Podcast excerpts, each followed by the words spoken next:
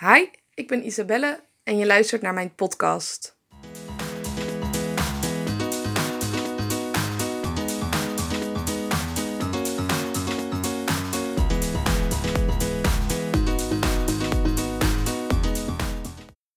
Nou, ik zit hier eh, met Roos. En Roos die eh, ken ik voornamelijk via mijn eh, businessgroep bij Janne.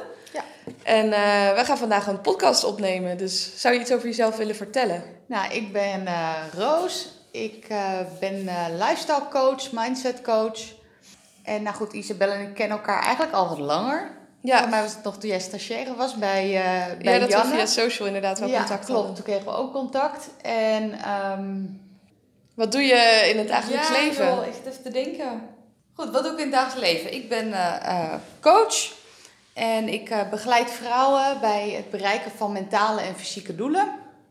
Ik heb namelijk zelf eh, de afgelopen jaren een eh, transformatie ondergaan, zowel fysiek als mentaal. Mhm. Ehm, ik heb, eh, nou, ik denk eh 2004 dat het was, heb ik ruim eh, 90 kilo gewogen. En ehm, nou ja, goed, een paar jaar geleden heb ik mijn levensstijl omgegooid. En dat heeft bij mij zoveel teweeg gebracht. Ehm, ik heb gewoon een eh, complete transformatie ondergaan. En dat heeft me uiteindelijk doen realiseren dat ik dat eigenlijk eh, meer vrouwen gun en dat ik eh, daar vrouwen in wil gaan helpen en begeleiden. Dus ik heb eigenlijk een carrière switch gemaakt en ben dat eh, sinds een paar, paar maanden gaan doen. Ja, we zijn eigenlijk op, dezelfde, op hetzelfde tijdstip begonnen met het helpen van andere mensen. Ja. En je zegt van, hé, ik, ik woog eerst die 90 kilo. Nou ja, ik, ik ben zelf ook daar in de buurt. Dus voor mij is dat geen, wow, dat is super zwaar. Maar voor jou was dat... Voor mij was dat eh, veel te zwaar. Dat was, eh, ja, ik, ik ben maar 1,68. En ehm, ja, dat, ik weet nog uit die periode. ehm, ik, was, eh, ik had heel veel last van eetbuien. En ik was heel erg mijn verdriet aan het wegeten, negatieve emoties. En ehm, naarmate ik ook ja, dikker werd, werd ik, er, ik werd er zo ongelukkig van. En ik had dat niet eens eh, specifiek zelf door. Ik dacht, dat is het leven. Eh, hier moet ik het maar gewoon mee doen.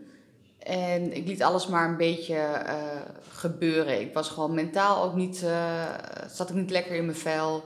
Fysiek ehm, niet gezondheidsproblemen, geen energie. Ja, ik kan me eigenlijk gewoon bijna nu al niet meer voorstellen dat het zo was, dat ik het zo ver heb laten komen. Maar dat was echt gewoon een hele nare periode in mijn leven. En is dat stapje voor stapje gekomen? Of heb je altijd al last gehad eh, van eetbuien of een moeilijke relatie met eten? Het is, ehm, nou ja, als ik er nu achteraf op terugkijk, denk ik dat het wel degelijk een soort van rode draad is geweest. Maar het is echt begonnen nadat eh, dat ik mijn moeder ben eh, kwijtgeraakt op tienjarige leeftijd. Ehm, toen ben ik eigenlijk gewoon gaan beginnen met, met, met ja, snoepen, de snoepkast opentrekken en dan stiekem naar mijn kamer toe gaan eten. En aan de hand daarvan, eh, ja, ik werd gewoon dikker en werd vervolgens gepest. Van ik was ja, toch een soort, ja, het, het zorgenkindje buitenbeentje. Want ik was een van de weinigen die in één keer een ouder verloren had. En vanaf daar is dat eigenlijk eh, gewoon erger gaan worden. En ehm, uiteindelijk zijn er daarna ook nog gebeurtenissen geweest. Als ik zakte voor een examen, een, een relatie die uitging. Elke keer zodra er dan zo'n slecht moment was in mijn leven waar ik er echt moeilijk mee om kon gaan, dan zocht ik daarin troost. En Dan was dat een trigger om weer een eetbui... eh, ja, voor mij was het echt wel een trigger. En dat zijn dingen wat ik toen niet eens wist, waar ik pas later achter kwam. ja, dat je dan meer dat inzicht krijgt van... Oh ja, daarom vond Daar ik het komt het allemaal vandaan. Zo is het ontstaan. Want het voelt, als je het eigenlijk altijd doet, dan heb je helemaal geen, niet het idee van eh, dit is echt iets ergs of dit hoort niet. Het hoort, ja, je hebt meer het idee, dit is gewoon mijn ding. Het hoort bij mij. Het is normaal, want je bent het gewend. Ja, dat het zo is en dat je er maar mee moet dealen. Dat het voor altijd zo... eh, Ja. En hoe vaak had je dan bijvoorbeeld een eetbui als je zegt van... Hé, dat kwam door een relatie die uit was... of een examen waar ik voor was gezakt. Ja, dat, dat was echt op dat soort momenten. Verder eh, waren er niet... eh, Het was niet zo dat het elke twee of drie weken was. Het was echt wel altijd gekoppeld aan, aan, aan gebeurtenissen. Ja, En ook vooral stressvolle dagen.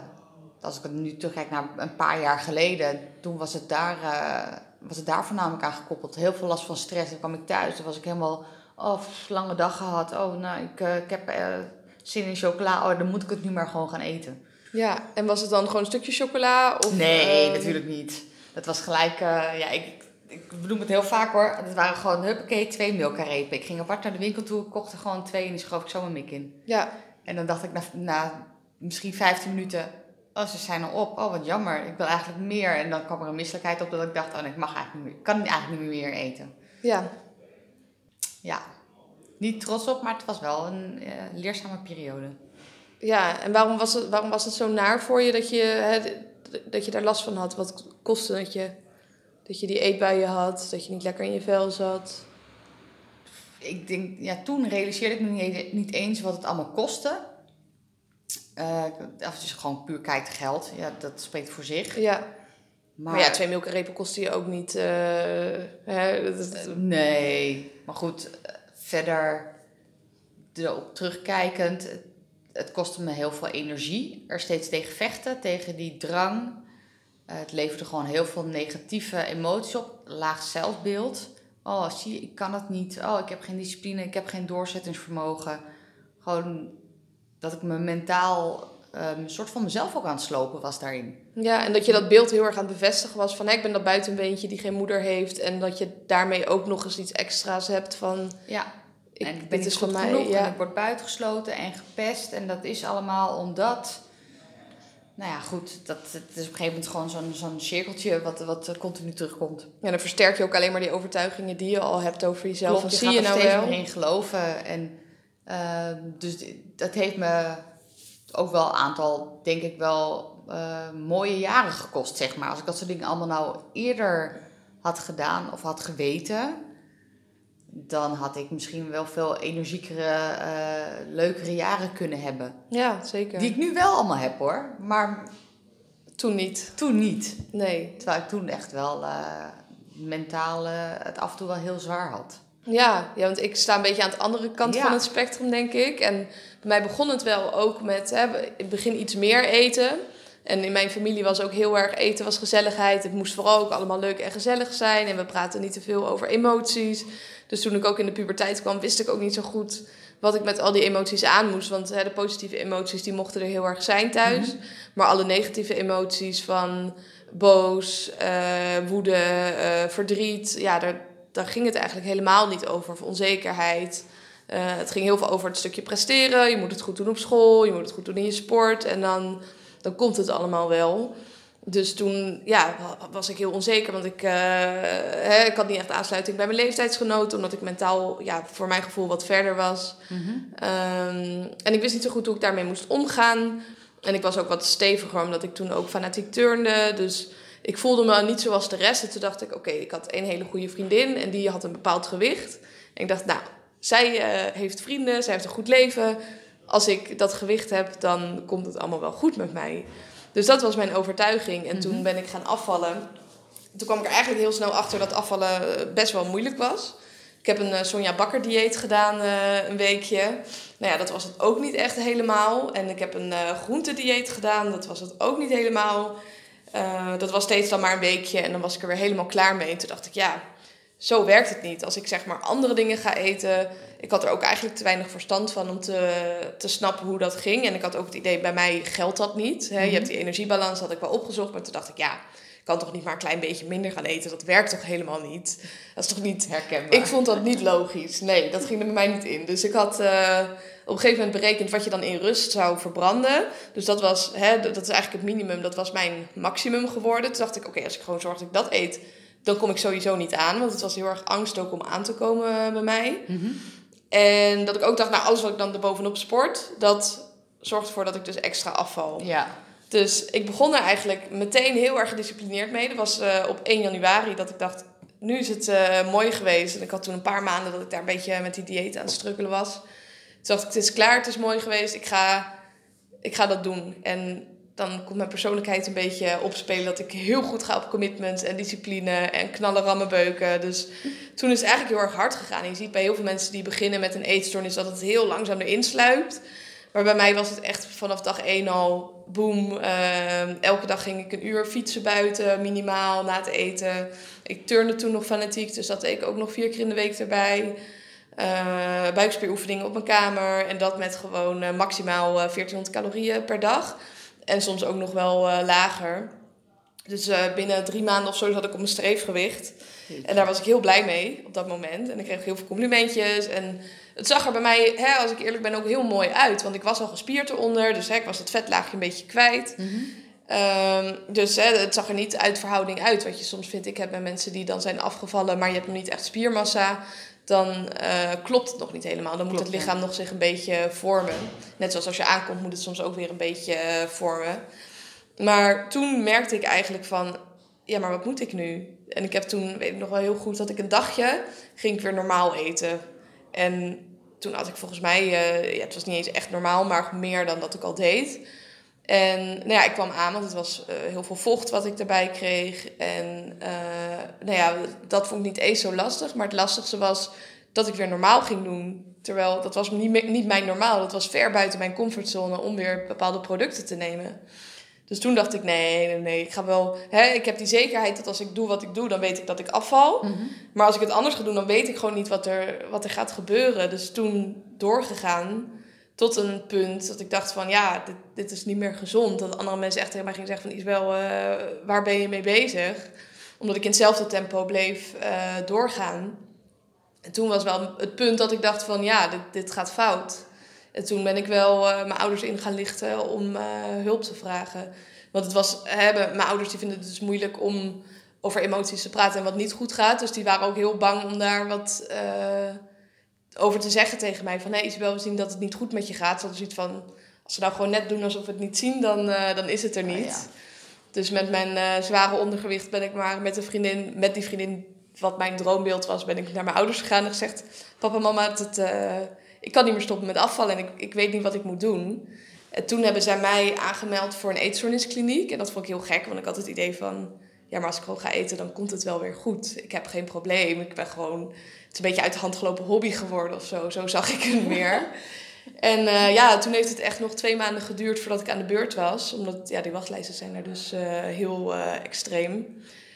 En toen kwam ik daar eenmaal aan de beurt en toen was ik al op een punt waarop ik in levensgevaar was. Dus dat het echt heel erg ja, noodzakelijk was om aan de slag te gaan. En dat het me toen ook zoveel kostte dat ik dacht, ja, dit was wel mijn um, enough is enough punt van tot hier en niet verder. En -hmm. hè, ik, ik moet wel iets anders gaan doen, want dit, dit kan ook niet meer. En wat kost dit je? Hoe wat deed, ja, hoe voelde je? Wat deed je? Ja, ik draaide toen denk ik vooral op adrenaline, want het lukte me allemaal. Want de week daarvoor heb ik nog een toetsweek gehad. En ik had allemaal voldoendes gehaald, maar dat had ik niet verwacht. En ik kwam elke dag huilend thuis, omdat het eigenlijk zo slecht ging voor mijn gevoel. Um, omdat ik me niet kon concentreren. Uh, ik was de hele dag bezig met eten. Dus hè, er was geen ruimte in mijn hoofd voor andere dingen.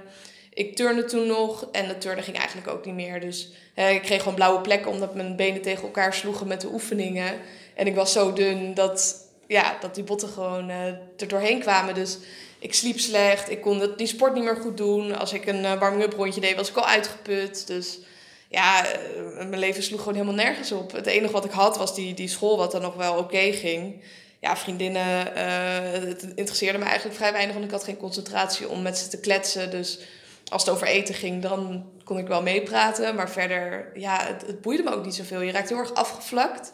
Omdat je zo en met jezelf bezig bent en omdat je er geen energie voor hebt om echt een goede relatie aan te gaan. Dus wat jij zei van hè, dat beeld wordt alleen maar meer bevestigd van ik ben niet goed genoeg. Dat had ik ook van ja, het, maakt me allemaal niet zoveel uit. Ik, ik ben toch niet goed genoeg. Uh, maar nu heb ik in ieder geval mijn eigen ding om dan mee bezig te zijn. En dan maakt het iets minder uit dat, wat andere mensen van me vinden. Maar je had toen ook al je streefgewicht tussentijds al gehaald. Ja, ja. En toen had je dat gehaald. En, en wat waren je verwachtingen toen eigenlijk? Want je wilde naar dat doel toe werken, je hebt dat doel gehaald. En toen, hoe had je leven er eigenlijk uit moeten Ja, dat zien? iedereen mij aardig vond. Ja. Dat, en dat ik zelfverzekerder zou zijn. Dat was het ook met name. Dat ik mezelf leuk genoeg vond. En um, ja, dat ik dan geen moeite meer zou hebben met mijn gewicht en met hoe ik eruit zag. En ik wilde toch ook heel graag zichtbare buikspieren. Maar die had ik toen niet bij dat gewicht. Dus dacht ik, oeh, nee, dat was toch niet helemaal... Of ik, nee, ik wilde een platte buik. Dat was het. Maar ik heb nooit die platte buik gehad, want dat kan helemaal niet. Omdat je, hè, dat, er zitten organen en zo, dus het zal nooit zo'n rechte streep worden. Maar dat wilde ik heel erg graag. En ik raakte ook op een gegeven moment een beetje mindfucked of zo. Want ik merkte dat hoe meer ik ging afvallen, hoe meer ik iedereen lelijk vond. En dat er helemaal geen perfect plaatje meer was wat, wat ik nastreefde. Want eerst had ik een heel concreet perfect plaatje. En toen ging ik naar die vriendin kijken. Toen dacht ik, ja, maar je, ja, iedereen heeft wel iets wat dan niet zo mooi is of zo. En daar raakte ik een beetje van in de war. Dat ik dacht, ja, maar ik wil perfect worden, maar ik weet eigenlijk helemaal niet hoe dat, hoe dat beeld er dan uitziet. Dat beeld dat kan ook wel veranderen, dat herken ik ook wel. Ja, en zeker als je er zo op gefocust bent, dan wil je ook een doel nastreven. En als dat doel dan zo weggaat, dan, dan weet je het niet meer of zo. Ja, ik heb dat ook wel gehad dat ik toen wilde gaan afvallen. En ik had ook een bepaald ja, beeld in gedachten. Maar ik vraag me niet meer hoe dat beeld nu is, maar dat had inderdaad ook wel te maken met een platte buik en een sixpack. Dat Ja. op een of andere manier, ik vond dat gewoon mooi. En daar wilde ik ook naartoe werken, maar het is bij mij eigenlijk ook nooit echt van gekomen. Nee, nee. En ja. ik, ik merk ook gaandeweg, het, het, het betekent ook niet dat dat, dat doel behalen, dat sixpack, dat, dat, het maakt je helemaal niet gelukkiger. Je beeld verandert, je, wat jij net ook zegt, dan zie je Ja. weer wat anders wat mooi is bij, bij iemand, ja, je bij weet het niet jezelf. meer. Ja. En dan wordt het hele beeld anders. ja, en ik vond ook heel veel dingen mooi. En daarom wist ik het op een gegeven moment ook niet meer. Dat ik dacht, ja, maar ik vind die vormen vind ik ook mooi. Als je een beetje borsten hebt en een beetje billen. Maar ik vind die sixpack ook weer mooi. Dus wat wil ik, wat wil ik nou? Ja. En dan is het ook heel moeilijk als je geen doel hebt om erachterna te gaan. En ik merkte dan dat ik juist heel erg terug in mijn schulp kroop. En dan Mhm. weer je eigen slechte hebt gewoontes. Ja. eh, gaat aanhouden. En hoe ben je daar dan uiteindelijk uitgekomen? Ehm, nou ja, ik ben eerst toen eh, op die manier een jaar in therapie gegaan. Maar toen kwam ik eigenlijk heel erg veel in contact met meiden die van dezelfde dingen last hadden en nog van andere dingen. Dus ik merkte ook dat er heel veel dingen bij de meiden werden overgenomen. Dat, hè, het was bijna een soort wedstrijd van wie heeft de ergste eetstoornis. En dat hoor ik best wel vaak van die... eh, hè, bij eetstoornisklinieken komt dat heel veel voor. Maar ook bij andere klinieken dat als je het gaat mixen... dat ze ook weer dingen van elkaar gaan overnemen. Eh, want dat is je nieuwe norm. En ik had zelfs iets van... Ja, maar ik wil juist weer leren wat normaal is. En als dit jouw nieuwe normaal is, dat, dat is niet normaal. Dus ik ben één keer in de kliniek ben ik ook eh, teruggevallen en bijna eruit gestuurd. Toen was ik in een maand, was ik, weet ik wel, twee kilo of zo afgevallen, maar ik had al ernstig ondergewicht. En de regels waren daar dat je een eh, bepaalde hoeveelheid moest aankomen per week. Nou ja, als je aan het afvallen bent, hou je dat niet. En als je dat vier weken achter elkaar deed, dan mochten ze je eruit sturen. Dus de neiging was om mij weg te gaan sturen. Dus mijn ouders zaten met hun hand in het haar van... ja, maar wat moeten we dan? Hè? Eh, We hebben eerst alle mogelijke moeite gedaan om haar naar binnen te krijgen... en dan willen jullie haar wegsturen. Wat, wat is dit? En eh, toen kwam ik zelf al tot het inzicht van... ja, dit is toch niet zo heel handig waar ik mee bezig ben. Het zijn een soort van... Ja, ja, je eigen comfortzone, je eigen dingetjes die je doet... maar dat je dan merkt van... oké, wat voor effect heeft dat nou op anderen... en op mijn leven verder? En toen dacht ik, ja, zo wil ik toch niet verder... Dus toen eigenlijk mijn best gedaan om zo snel mogelijk de kliniek uit te komen. En dat was door op een streefgericht gekomen. Dus toen ben ik binnen korte, korte tijd eh, ben ik weer op mijn streefgewicht gekomen. En dat was dat gewicht wat ik ook graag wilde hebben, wat dat andere meisje ook woog. Eh, en toen mocht ik, eh, ik weg daar. En toen wel een kleine nazorg nog gehad. Maar dat heeft ook niet heel veel voorgesteld. En toen ben ik het vooral op eigen kracht gaan doen. En gewoon gaan kijken van... Oké, wat is dan, dan wel normaal? En toen kwam ik op een gegeven moment op het punt dat het oké was. Maar ik bleef aankomen, want voor mij was dat gewicht helemaal niet gezond. Want ik sport heel veel, ik heb veel spieren. Dus voor mij was dat, dat aan de ondergrens van gezond gewicht... terwijl ik eigenlijk altijd aan de bovengrens heb gezeten. Dus voor mij was het eerst een heel proces van hè, dat accepteren van dat gewicht wat je hebt... en dat extra stukje nog aankomen buiten de kliniek. En toen ben ik op zoek gegaan eh, ja, naar meer hulp eigenlijk van iemand die me echt verder kon helpen. En niet de mensen die zichzelf psycholoog noemen, maar je een ander probleem aanpraat. Want op een gegeven moment heb ik ook, eh, ben ik teruggegaan ook naar de kliniek voor extra hulp. En die hebben mij beschuldigd van eetbuien. Want ze zeiden anders dan zou je nooit zoveel kunnen zijn aangekomen. Dus toen heb ik, eh, ben ik daar weggelopen en gezegd van hier kom ik nooit meer terug. En nog een psycholoog die dat tegen me had gezegd van... hé, je kan nooit zo zwaar zijn. En toen ben ik ook bij een diëtist geweest. Omdat ik weer moest afvallen. Dus voor mij was het weer een dikke mindfuck van...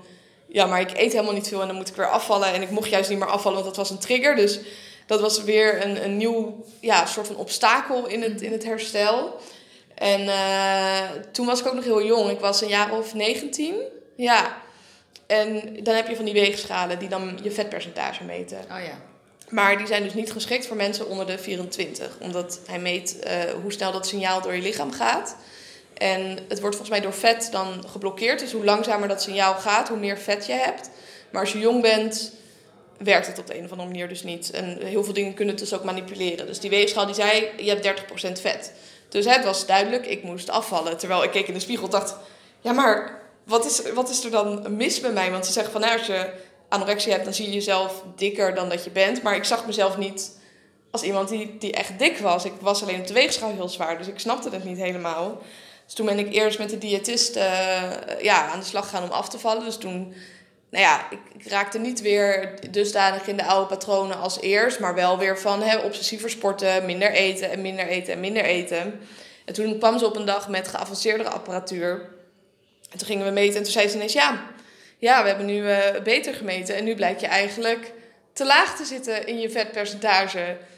En toen was voor mij een punt dat ik dacht, ja, ik heb daar heel hard gehuild, want ik snapte er gewoon niks meer van. Eerst ze, je bent zwaar, je bent licht, je bent zwaar, je bent licht. dacht ik, ja, ik moet hier wel mijn mindset gewoon anders uh, in, in krijgen. Dat ik gewoon ongeacht wat voor cijfertje er op de weegschaal staat, wat voor cijfertje mijn vetpercentage is, of mm -hmm. whatever, dat ik gewoon tevreden kan zijn met mezelf. En dat ik niet constant gemindfucked word door alle plaatjes die je overal ziet, wat andere mensen tegen je zeggen. Dus ja, toen ben ik wel op zoek gegaan naar meer van... oké, hoe kunnen mensen mij verder helpen met dat stukje... in plaats van dat het altijd maar over dat eten gaat. Want het gaat helemaal niet over dat eten en dat gewicht en dat cijfertje. Dat is allemaal dikke bullshit. En ik had wel heel erg het idee dat in alle jaren van... ja, om maar zo te noemen, professionele hulp... dat het daar juist alleen maar over ging. Terwijl ik het over hele andere dingen wilde, wilde hebben. Mhm. Dus dat was voor mij het punt dat ik dacht... oké, ik ben een soort van halverwege de berg... en ik blijf een beetje steken en ik wil naar die top... En ze vertellen mij dat ik nooit naar de top kan, want ik heb een eetstoornis gehad, dus je zal dat altijd blijven houden en altijd last van blijven houden. Maar ik geloof dat ik daar naartoe kan. Hoe ga ik daar komen? En toen ben ik met mijn mindset aan de slag gegaan. Gewoon echt dat gevoel binnenin van er is meer, er moet meer er zijn. Er moet meer zijn. Ja. Want ik merkte wel heel erg in mijn omgeving, hoe meer ik het erover ging hebben en delen, dat heel veel vrouwen last hadden van onzekerheid, eh, moeite met hun gewicht. Dat ik dacht van, huh, maar ik was toch de enige, want ik heb een eetstoornis en ik mag daar onzeker over zijn. Maar dat ik van vriendinnen hoorde, ja, ja, ik voel me dik. Nee, nee, moet je niet doen. Het is levensgevaarlijk, want dan, hè, dan krijg je dadelijk een eetstoornis. Maar dat ik steeds meer zag van, heel veel mensen hebben daar toch wel last van. En ik had toch wel, toen ik met mijn eetstoornis aan de slag ging, dat droombeeld van dat ik daar geen last meer van zou hebben. Mm -hmm. En ik geloofde ook echt dat dat kon. Dus met dat droombeeld ben ik aan, met mijn mindset aan de slag gegaan van ik geloof gewoon dat het kan, dat ik echt lekker in mijn vel zit. En dat ik geen enkele dag meer denk van ik wil 10 kilo afvallen en dan ben ik gelukkig. En dat punt heb je nu bereikt. Ja, absoluut. Zeker. Ja, en nog veel meer dromen die ik heb kunnen realiseren omdat die focus niet meer bij dat eten lag. Want je, hè, net zoals jij zei van ik was alleen maar bezig met die eetbuien en daardoor heb je niet die energie om andere dingen te doen. Op het moment dat ik dat los kon laten, dan kan je weer dingen doen die echt belangrijk voor je zijn. In plaats van dat je alleen maar in je eigen wereldje zit. En dan ga je dingen doen die echt verschil maken voor zowel jezelf als voor anderen. Eens. En waar sta jij nu op dit moment? Oeh, waar ik nu... Ja, um, ik denk daar wel vaker over terug. Of over na. En, en als ik kijk naar waar ik nu sta, denk ik... Wow, wat, wat, wat, is er allemaal de afgelopen jaren veel gebeurd? Um, heel veel groei gehad. En dat ik nu in één keer merk dat, dat het leven kan gewoon echt fantastisch zijn. En je kan het helemaal ons erboven gooien als je dat zelf wil. Ja. Als ik kijk naar hoe ik er tien jaar geleden voor stond. Uh, ik ben dan nu eigenlijk dan tien jaar ouder. Maar ik voel me zoveel beter dan toen ik jonger was. Kan je nog voorstellen dat je zo was? Nee, helemaal niet meer het voelt gewoon voor mij eigenlijk uh, als een heel ander persoon. Als ik ook gewoon foto's terugzie, ik, ik zie mezelf wel lachen. Maar niet echt. Hè? Maar niet echt meer. Als ik nu bijvoorbeeld foto's kijk, foto's kunnen nu veel uh, spontaner zijn. En als ik nu een foto heb, vroeger vond ik bijvoorbeeld echt mijn, mijn lach uh, niet leuk. En nu heb ik alleen maar foto's met een lach. En ik vind het eigenlijk wel hartstikke leuk. Want ik, ik zie daar gewoon uh, veel meer leven in, veel meer enthousiasme en, en passie en geluk. het grotere plaatje. In plaats van alleen maar die lach die je dan niet mooi vindt. Dat je nu ziet van, ja, maar er staat gewoon een hele sprankelende persoonlijkheid Klopt. en een hele mooie vrouw. Het is het alles eromheen en wat ik ervoor heb moeten doen en voor heb moeten laten ook. En, en ja, het is, ik, vind het af ik vind het nog steeds heel moeilijk om uit te leggen wat het nou allemaal met, zich gedaan he- met mij gedaan heeft. Ik vind het wel mooi dat je zegt van, hè, ik, ik herken die persoon helemaal niet die ik was. Want bij mij is het nu ook acht jaar geleden dat ik denk van, als ik die op een foto zie, denk ik, nee, dat is gewoon iemand anders. Dat ben Ja. ik niet. Pas toen ik weer een wat gezonder gewicht kreeg en mentaal wat sterker was, denk ik, ja, dat, dat ben ik. En dat vind ik ook leuke foto's om te zien. Maar echt die foto's van mijn, in mijn moeilijke tijd wil ik ook liever niet op de foto. Want ik wist dat het niet permanent was. En ik vond het ook helemaal niet mooi hoe ik eruit zag. Want Mhm. het was al ver beneden mijn ideaalbeeld. Maar ook met het idee van, ja, er staat geen sprankelende persoonlijkheid, geen gelukkig persoon. En als ik die foto's dan ook terugzie, waarbij ik dan niet kon voorkomen om de foto te gaan. Je, je ziet gewoon aan alles van de uitstraling van, die persoon is niet gelukkig. Ja, ik denk dat dat ook wel eh, het interessante is. Het maakt niet eens eh, per se uit wat je gewicht Nee. doet en, en ehm, ja, hoe je lichaam er verder in dat opzicht uitziet. Maar het is gewoon de uitstraling en hoe je je voelt van binnen. En dat is hetgene eh, waarin ik ook gewoon het verschil zie in, in, in de foto's. Want ik heb ook wel eh, tussendoor periodes gehad, daarin was ik dan weer 10 kilo afgevallen door eh, allerlei vage diëten, ellende en restricties. En dan vervolgens kwam ik dan weer aan en, en viel ik dan weer af. En elke in die periodes, die foto's, ehm, ik ben... Ik straal gewoon veel meer leven uit nu op foto's in, vergeleken, in vergelijking met vroeger. Ja, ja precies. En dat was ongeacht het gewicht. Het is gewoon echt wat er... Ja, ja, wat in je hoofd gebeurt. Je bent helemaal ja, niet bezig met leven op dat moment. Je bent zo met jezelf bezig. Ja, ook. En wat andere mensen denken en, en hoe je je leven moet inrichten volgens, ja, weet ik wel, maatschappelijke doelen of zo. Ja. Hoe zeg je dat? Maatschappelijk gewenst plaatje. Ja, en ik had er niet eens tijd voor voor mezelf. Ik denk, ja, ik moet en sporten en ik moet een sociaal leven hebben. Maar ondertussen moet ik ook nog heel veel sporten. En eh, me bezighouden met eten. En dan moet ik ook nog etentjes op de een of andere manier zien te omzeilen. Of me daar zien te redden of zo. Dat was overwhelm allemaal. Dat ik dacht, ja, zwaar overwhelmed. En dan heb je geen, geen energie meer over om te leven. Nee, herkenbaar. Ik had Ja. gewoon puur door eh, het te zwaar zijn gewoon geen energie. Mijn lichaam kreeg gewoon niet wat het nodig had. Ja, ja want hè, als je een eetbui hebt, je bent misselijk daarna. Maar je krijgt tijdens die eetbui ook niet de voedingsstoffen die je nodig hebt. Nee. Ik was ook helemaal niet bezig met voeding. Ik was gewoon puur, eh, dit vind ik lekker, dit eet ik. En eh, niet bewegen, niet sporten. s S'avonds computerspelletjes spelen, achter de computer zitten. Ehm, ook natuurlijk even studies tussendoor gedaan. Maar nee, totaal ook geen besef hoeveel invloed dat eigenlijk had.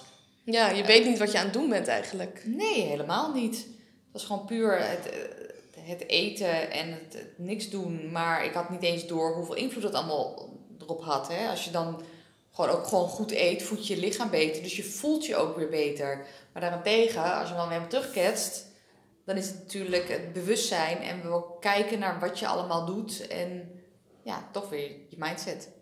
Hoe je Ja, naar zeker. de dingen kijkt en, en eh, hoe je gewoontes en zo ontwikkelt. Maar ja, als je inderdaad in die slechte situatie zit, eh, ik zie het zelf ook als een soort van nieuwe comfortzone. Het is niet functioneel, maar hè, je, je weet precies wat je kan verwachten. Als ik hè, weinig eet, val ik dat af en dat is fijn. Of als ik een eetbui heb, voel ik me daarna zo. Het is allemaal heel voorspelbaar toch? Ook al heb je geen heel- energie. Heel veilig. Ja. En ehm, wat ik vooral nu merk is dat ik, wat ik net al zei, van ik merk in één keer, weet je, hoe fantastisch het allemaal is.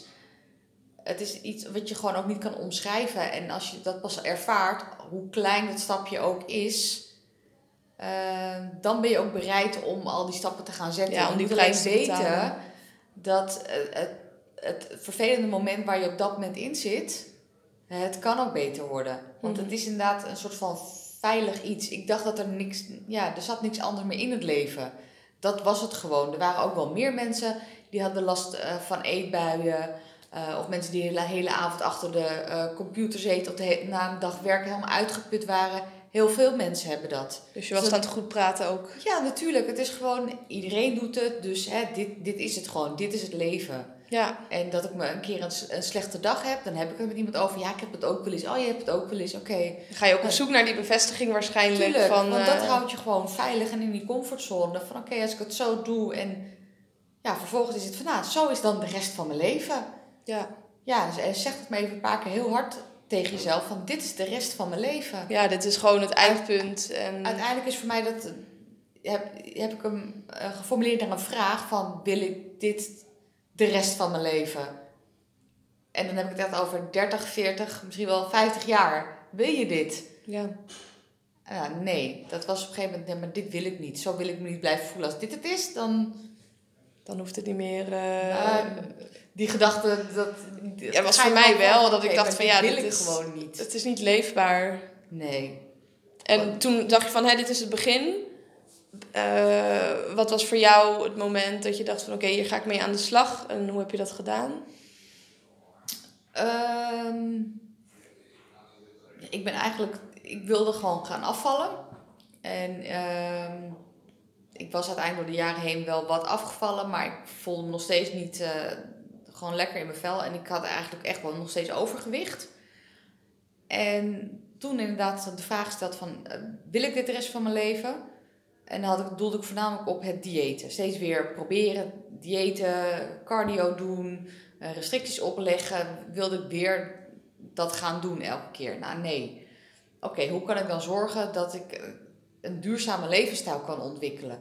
Ja, En ik ben toen gaan zoeken. Nou, ik kwam achter, als je krachttraining gaat doen, bouw je spiermassa op. Kan je meer eten, meer balans vinden. Dus dat ben ik gaan doen. Door zelf op internet te gaan zoeken.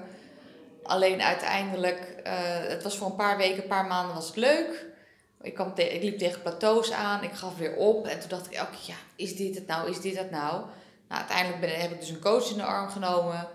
En ehm, aan de hand daarvan ben ik eigenlijk eh, ook veranderingen in mindset gaan doen de kleine dingen waar ik tegenaan liep van hé, hey, wat kan ik daaraan doen om het beter te laten lopen?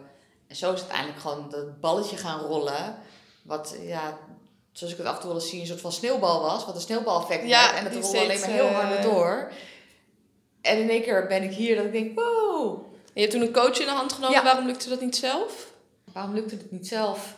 Ik gaf gewoon elke keer te snel op. En, en ik wist niet altijd wat ik moest doen. En ik had af en toe even die duw in mijn rug nodig. Ja, om even te horen van ja, maar als je dit nu doet, even iemand die met je eh, meekijkt en eh, ook een ander perspectief laat zien. Want ik was, ik moest bijvoorbeeld voor het eerst de sportschool in. En dat vond ik gewoon doodseng. Ja, wat, wat moet ik nou gaan doen? En, en iedereen zelf kijkt gedaan, had je waarschijnlijk En- gewoon al bij dat punt gedacht, nee, klaar. ja, het heeft me heel lang weerhouden om, om de, bijvoorbeeld de, de sportschool in te gaan en met het gewicht in de weer te gaan. Ik vond het doodseng. Toen zei ik, ja, nee, maar eh, dan kijkt iedereen naar me. En toen zei mijn coach, oké, loop dan een keer naar binnen toe. Ga dan eens gewoon echt kijken. Kijken ze echt naar je? En toen dacht ik ook echt, oh nee, het is helemaal niet zo. Ja. Maar in mijn eigen overtuiging en belevenis was dat wel degelijk zo. ja. Want op een of andere manier, ik, ik zou opvallen bij iedereen, maar dat was helemaal niet zo. En dan was het wel zo geweest, hè, wat dan nog? Klopt. Ik denk dat ik nu zie ik dat ik van als mensen me nu aanstaan sport, weet je. Ik val geen- op als ik aan het trainen ben. Ja, nou, ik vind het prima. Maakt me niks uit. Ja, positieve of negatieve zin, het maakt helemaal niks meer uit. Alleen, ja, toen zag ik dat allemaal nu nog niet zo. Ja. Dus van dat perspectief plaatsen is heel fijn van die coach geweest en een stukje kennis. Ja. Heeft het je nog meer opgeleverd om het samen te doen in plaats van dat je alles op eigen houtje zou doen?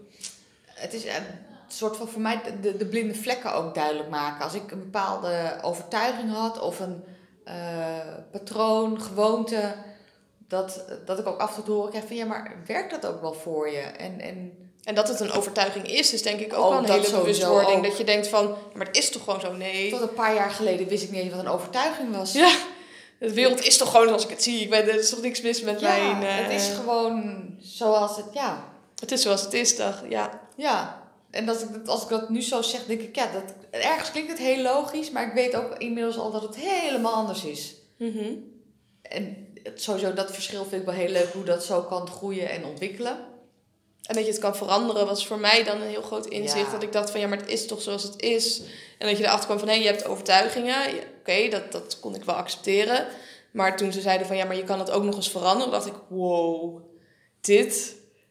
Ja. Ja, dit was En echt... dan kan je die overtuiging veranderen. En aan de hand daarvan verandert er gewoon veel meer. Ja, word je gewoon een het nieuw is persoon. gedrag, gewoonte Ja, en eigenschap wat dan eh, eruit volgt.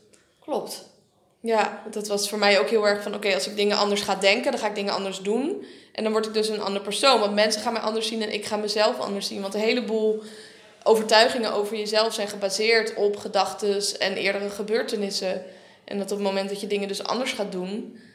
dat je dus ook nieuwe overtuigingen krijgt en echt een nieuw persoon gaat worden. Klopt. En het is ook de manier waarop je naar dingen gaat kijken. Ik vind dat af en toe ook nog wel heel erg eh, eh, interessant over bijvoorbeeld eh, negatieve emoties. Ehm, ik ging daardoor altijd juist eten, want ik had negatieve emoties, dus dat was slecht. Ja, dat moest En je die niet mocht ik- hebben. nee, Nee. die mocht ik niet hebben. En nu tegenwoordig, dan heb ik bijvoorbeeld wel een negatieve emotie, wat dat ook mag zijn. En dan is het dat ik nu meer ga kijken, oké, dan heb ik die.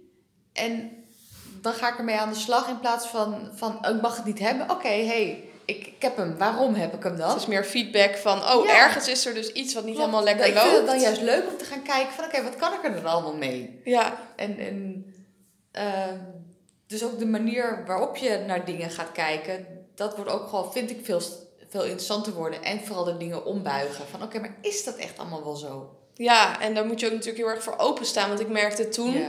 zag ik zeg maar het echt als falen. Als je een negatieve emotie had of als je iets niet goed deed.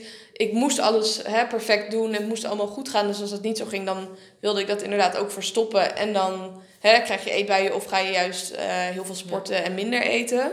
En op het moment dat je het kan zien als soort van feedback of manier om kans om te groeien. Dat je niet als persoon hebt gefaald, maar hè, dat je in de kern goed genoeg bent, ongeacht alle omstandigheden. En dat je dan eh, die dingen veel meer kan zien als, als opstapje van, oh, maar dan, hè, ik voel me rot, waar dan over? Oké, hoe kan ik dat veranderen? En dan wordt je leven eigenlijk nog veel leuker dan dat het allemaal op rolletjes zou lopen. En hè, we hebben het veel over, hè, over onze relatie met eten gehad. Ging het dan ook echt over eten uiteindelijk? Nee, totaal niet. Ja, net zo goed een alcoholisme, eh, alcoholist kunnen worden. Ja, nou ja, dat, dat had ook gekund. Ja, Ja, het ging totaal niet over eten. Het is ehm, meer, ja, wat ik net ook zei over hoe je naar de, de wereld kijkt, maar ook hoe je naar jezelf kijkt. Mhm. De meeste En- dingen zijn nog meer van jezelf, denk ik. Al, van Het is eigenlijk altijd vanuit jezelf. ja, je eigen perspectief. Klopt. Nee, het is eh, nooit over het, het eten gegaan, maar gewoon, ja, hoe kan ik dat uitleggen? Ja, het is, dat komt echt wel degelijk vanuit eh, binnen en, en eh, hoe je dus naar jezelf kijkt en eh, hoe, in hoeverre je bezig bent met hoe anderen over je denken. Het maatschappelijk gewenste plaatje, hoe je leven eruit moet zien, hoe jij eruit moet zien, wat is mooi, wat is perfect. En op het moment dat je met eten bezig was, was je daar dan nog mee bezig? Of was het een soort van een verdovingsmiddel dat als je maar aan het eten was? Dat was echt wel, wel het verdoven van de emoties. Ja. Dan hoeft hij niet over al die andere dingen na te denken die heel vervelend waren. Totaal niet. Dus het was echt zo'n momentje van... Het was alleen maar even dat e- nergens aan denken. Even alle zorgen, alles viel weg. Ja, Ook hoe lang het ook duurde. En daarna dan kwam je weer in de, werkele, in de werkelijkheid. En dan kut. kwam de klap eigenlijk weer twee keer zo hard eh, Ja. binnen. Want oh... En die, al het gedoe, gezeik, de emoties kwamen weer om de hoek kijken. En daarnaast was het gewoon... Oh, dat je net wilde, ik heb gefaald en ik kan het niet. ook nog eens En- die eetbui gehad en dan voel je ook nog eens Ja. daarover. En dan ga je weer en dan is het cirkeltje weer rond. Wat zou je voor advies willen geven aan mensen die op dit moment struggelen met eetbuien? Wat voor advies zou je aan jezelf willen geven op het moment dat je hè, op dat punt was dat je je helemaal niet lekker in je vel voelde? Ik denk allereerst, ehm, wat ik toen heel, heel graag had willen weten, is ehm, dat die eetbuien er ehm, niet bij horen. Dat was ook ergens wel het gevoel van een, een comfortzone. Van oké, ja, dit is het en ik hoor wel dat meer mensen het hebben en het probleem gaat zich vanzelf wel oplossen. En voor nu accepteer ik het maar en ga ik in een golf van ik voel me even goed met eten en ik ga vervolgens weer dat dal in. En zo'n golfje door het leven. Klopt. dat hoort er niet bij. Het is eigenlijk gewoon puur een, een teken dat er eh, een disbalans is. Ja. Dat kan zowel eh, fysiek zijn, fysiologisch, maar ook gewoon mentaal. En dan ga je dus weer terug naar de overtuigingen. Ja, het versterkt elkaar uiteindelijk weer. En daarom zat je ook zo diep erin. Ja, en volgens mij is echt wel het moment van eh, onzekerheid, het gevoel hebben van niet goed genoeg zijn. Perfectionisme ligt daar ook weer heel dichtbij, want ook ik heb mezelf altijd als een eh, perfectionist gezien. Ik heb er nog wat trekjes naar, ik heb het wel Ja. redelijk kunnen ombuigen. Dus dan vind ik het ook weer grappig om te horen dat jij dat dan hebt, hoe het bij jou aan de ene kant is opgeslagen. Het maar kan, mij dan hè, weer het kan alle kanten op. kant. Ja. En dat gewoon door een overtuiging. Ja. ja, dat kan zoveel losmaken bij je en voor zoveel dingen zorgen die heel hard tegen je werken. Ja. Door die verkeerde overtuiging inderdaad. Klopt. Dus zou je dan zelf zeggen van, hè, ga je overtuigingen veranderen? Zou dat een advies zijn wat je kan geven? Of is dat nog te complex? Ik sowieso in, gewoon weten.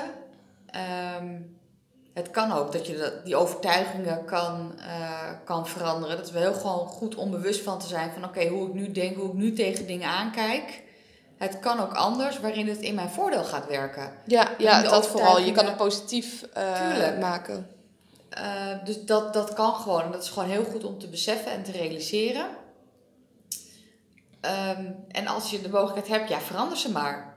Ja, en, En dat klinkt heel makkelijk. het klinkt heel makkelijk. En daarom is het denk ik ook heel belangrijk dat je dat niet alleen hoeft te doen. Want Nee. Het is denk ik ook heel erg iets van jezelf wat heel lastig is. Maar op het moment dat je daar inderdaad hulp bij krijgt, dan gaat die bal rollen en dan wordt het een sneeuwbal en dan zoef je van de berg. Terwijl als je het alleen moet doen, struggle je met zoveel meer dingen en dan En blijf dus je die blinde ook. Ja, daar moet je uitgetrokken worden. Ja, en je moet ook gewoon goed... Wat is een overtuiging? Ja, Dat moet je ook bij jezelf kunnen herkennen. En dat is heel moeilijk, want je denkt er snel van... Oh, oh nee, maar dit is gewoon een feit, want zo denk ik altijd al. Ja, dat moet al een lampje gaan branden ja van... een stukje kennis over Hey. mindset, dat je ook weet van hoe werkt het nou? Klopt. En Hoe kan ik mezelf programmeren? Ja, en welke eh, overtuigingen hebben ook weer, zeg maar, effect op elkaar? Mhm. Ja, het liefst wilde ik vroeger altijd iedereen door elkaar schudden van stop hiermee. Maar toen dacht ik, ja, dat werkt helemaal niet. Je moet inderdaad die mentale instellingen gaan resetten. En dan pas Ja, kan je er nieuwe software op programmeren, om het maar zo te zeggen. Van, klopt. je hebt gewoon iets wat niet werkt. Je moet het eerst stoppen en dan kan je het... Wat je eh, net ook al zei, van, je moet er ook voor openstaan. Ja, ja, anders dan werkt het zo. Als je echt zo diep erin zit en je wilde blijven doen, dan werkt het ook niet. En dat vond ik ook wel, omdat ik heel veel in contact ben gekomen met mensen met eetstoornissen, dat een aantal ook eh, het, het goed vinden zo. Die vinden die comfortzone zo prettig dat ze accepteren wat voor negatieve gevolgen er ook zijn. Van oké, ja, nou ja, dan menstrueer ik maar niet. Of dan vind ik maar geen partner. Of dan maak ik mijn ouders maar ongelukkig. Maar dat die comfortzone zo belangrijk is. Dat het, eh, ja, en aan de andere kant voelen ze zich dan ook heel schuldig. Dus het levert heel veel stress op. Maar dat het zo lastig is om toch uit die comfortzone te komen. Dat je inderdaad wel moet openstaan om te kunnen groeien. Want anders dan is er helemaal geen ruimte voor groei. Klopt. En inderdaad ook gewoon, denk ik, een stukje realiseren dat het eh, een probleem is en hoeveel effect het ook heeft. Ja, Ik zag ook nooit in dat mijn eetbuien een probleem waren. ja. Tot ik op het punt was dat ik gewoon echt te zwaar was. En waarschijnlijk als je niet was aangekomen, dan was je mis- nog wel langer doorgegaan. Ja, misschien wel, omdat er, de effecten waren nog niet eens heel duidelijk. Ja. Misschien was het pas twintig jaar later gekomen met een hele slechte gezondheid. Ja, precies. Ja, als ik niet zo hard was afgevallen, dan was ik ook nog wel langer doorgegaan. Het is ergens nog een voordeel dat ik zo gedisciplineerd was in het afvallen. Want dan kreeg ik tenminste binnen een jaar hulp. En dan was er een grotere kans dat ik zou genezen. Maar op het moment, de meesten die, die doen er iets langer over. En dan is het al veel meer verweven inderdaad met je persoonlijkheid. Nog sterkere overtuigingen van wat wel en niet kan. Eh, ja, dat, dat het lastiger is om die stap te zetten van ik wil iets anders. Want op een gegeven moment weet je ook niet meer wat er eh, wat er anders is. Want ik heb ook meiden gesproken die al zes jaar met eet- eetproblematiek kampten en nog wel langer. Jeetje. En dan, ja, dan kan je ook niet meer voorstellen wat normaal is. Dus ik kan me wel voorstellen dat het heel lastig is om dan die eerste stap te zetten. Maar ik denk, hoop dat wij met deze podcast ook het vertrouwen hebben gegeven van het, het kan echt anders. Ja. En ongeacht hoe lang je er ook mee dealt, er zijn mensen die, die al tientallen jaren ermee dealen en toch die stap zetten van ik kap ermee, ik ben er klaar mee, ik ga het anders doen. Maar op dat punt moet je denk ik toch eerst gekomen zijn van het is, het is klaar. En dan sta je open Ja, voor die verandering. klopt. Helemaal mee eens, want het kan ook echt eh, anders. En dat kan allemaal veel fantastischer zijn en mooier zijn. En ja, het soort van ideaal leven schetsen. Ja, precies. En dat gaan eh nastreven. Ik denk dat we hem hiermee gaan afsluiten. Ik wil je heel erg bedanken eh, voor ons fijne gesprek. Jij ook, dankjewel. Ja, en eh, ja, ik hoop dat eh, alle luisteraars er wat aan hebben en ja, de motivatie en tips uit kunnen halen. Ik hoop het ook. Bedankt voor het luisteren naar mijn podcast. Ik hoop dat ik je even power heb kunnen geven en een inzicht dat je denkt, damn, nu kan ik weer even gaan. Vergeet me niet te volgen op Instagram, isabellelifts, of mijn site even te bezoeken, isabelleveteris.com.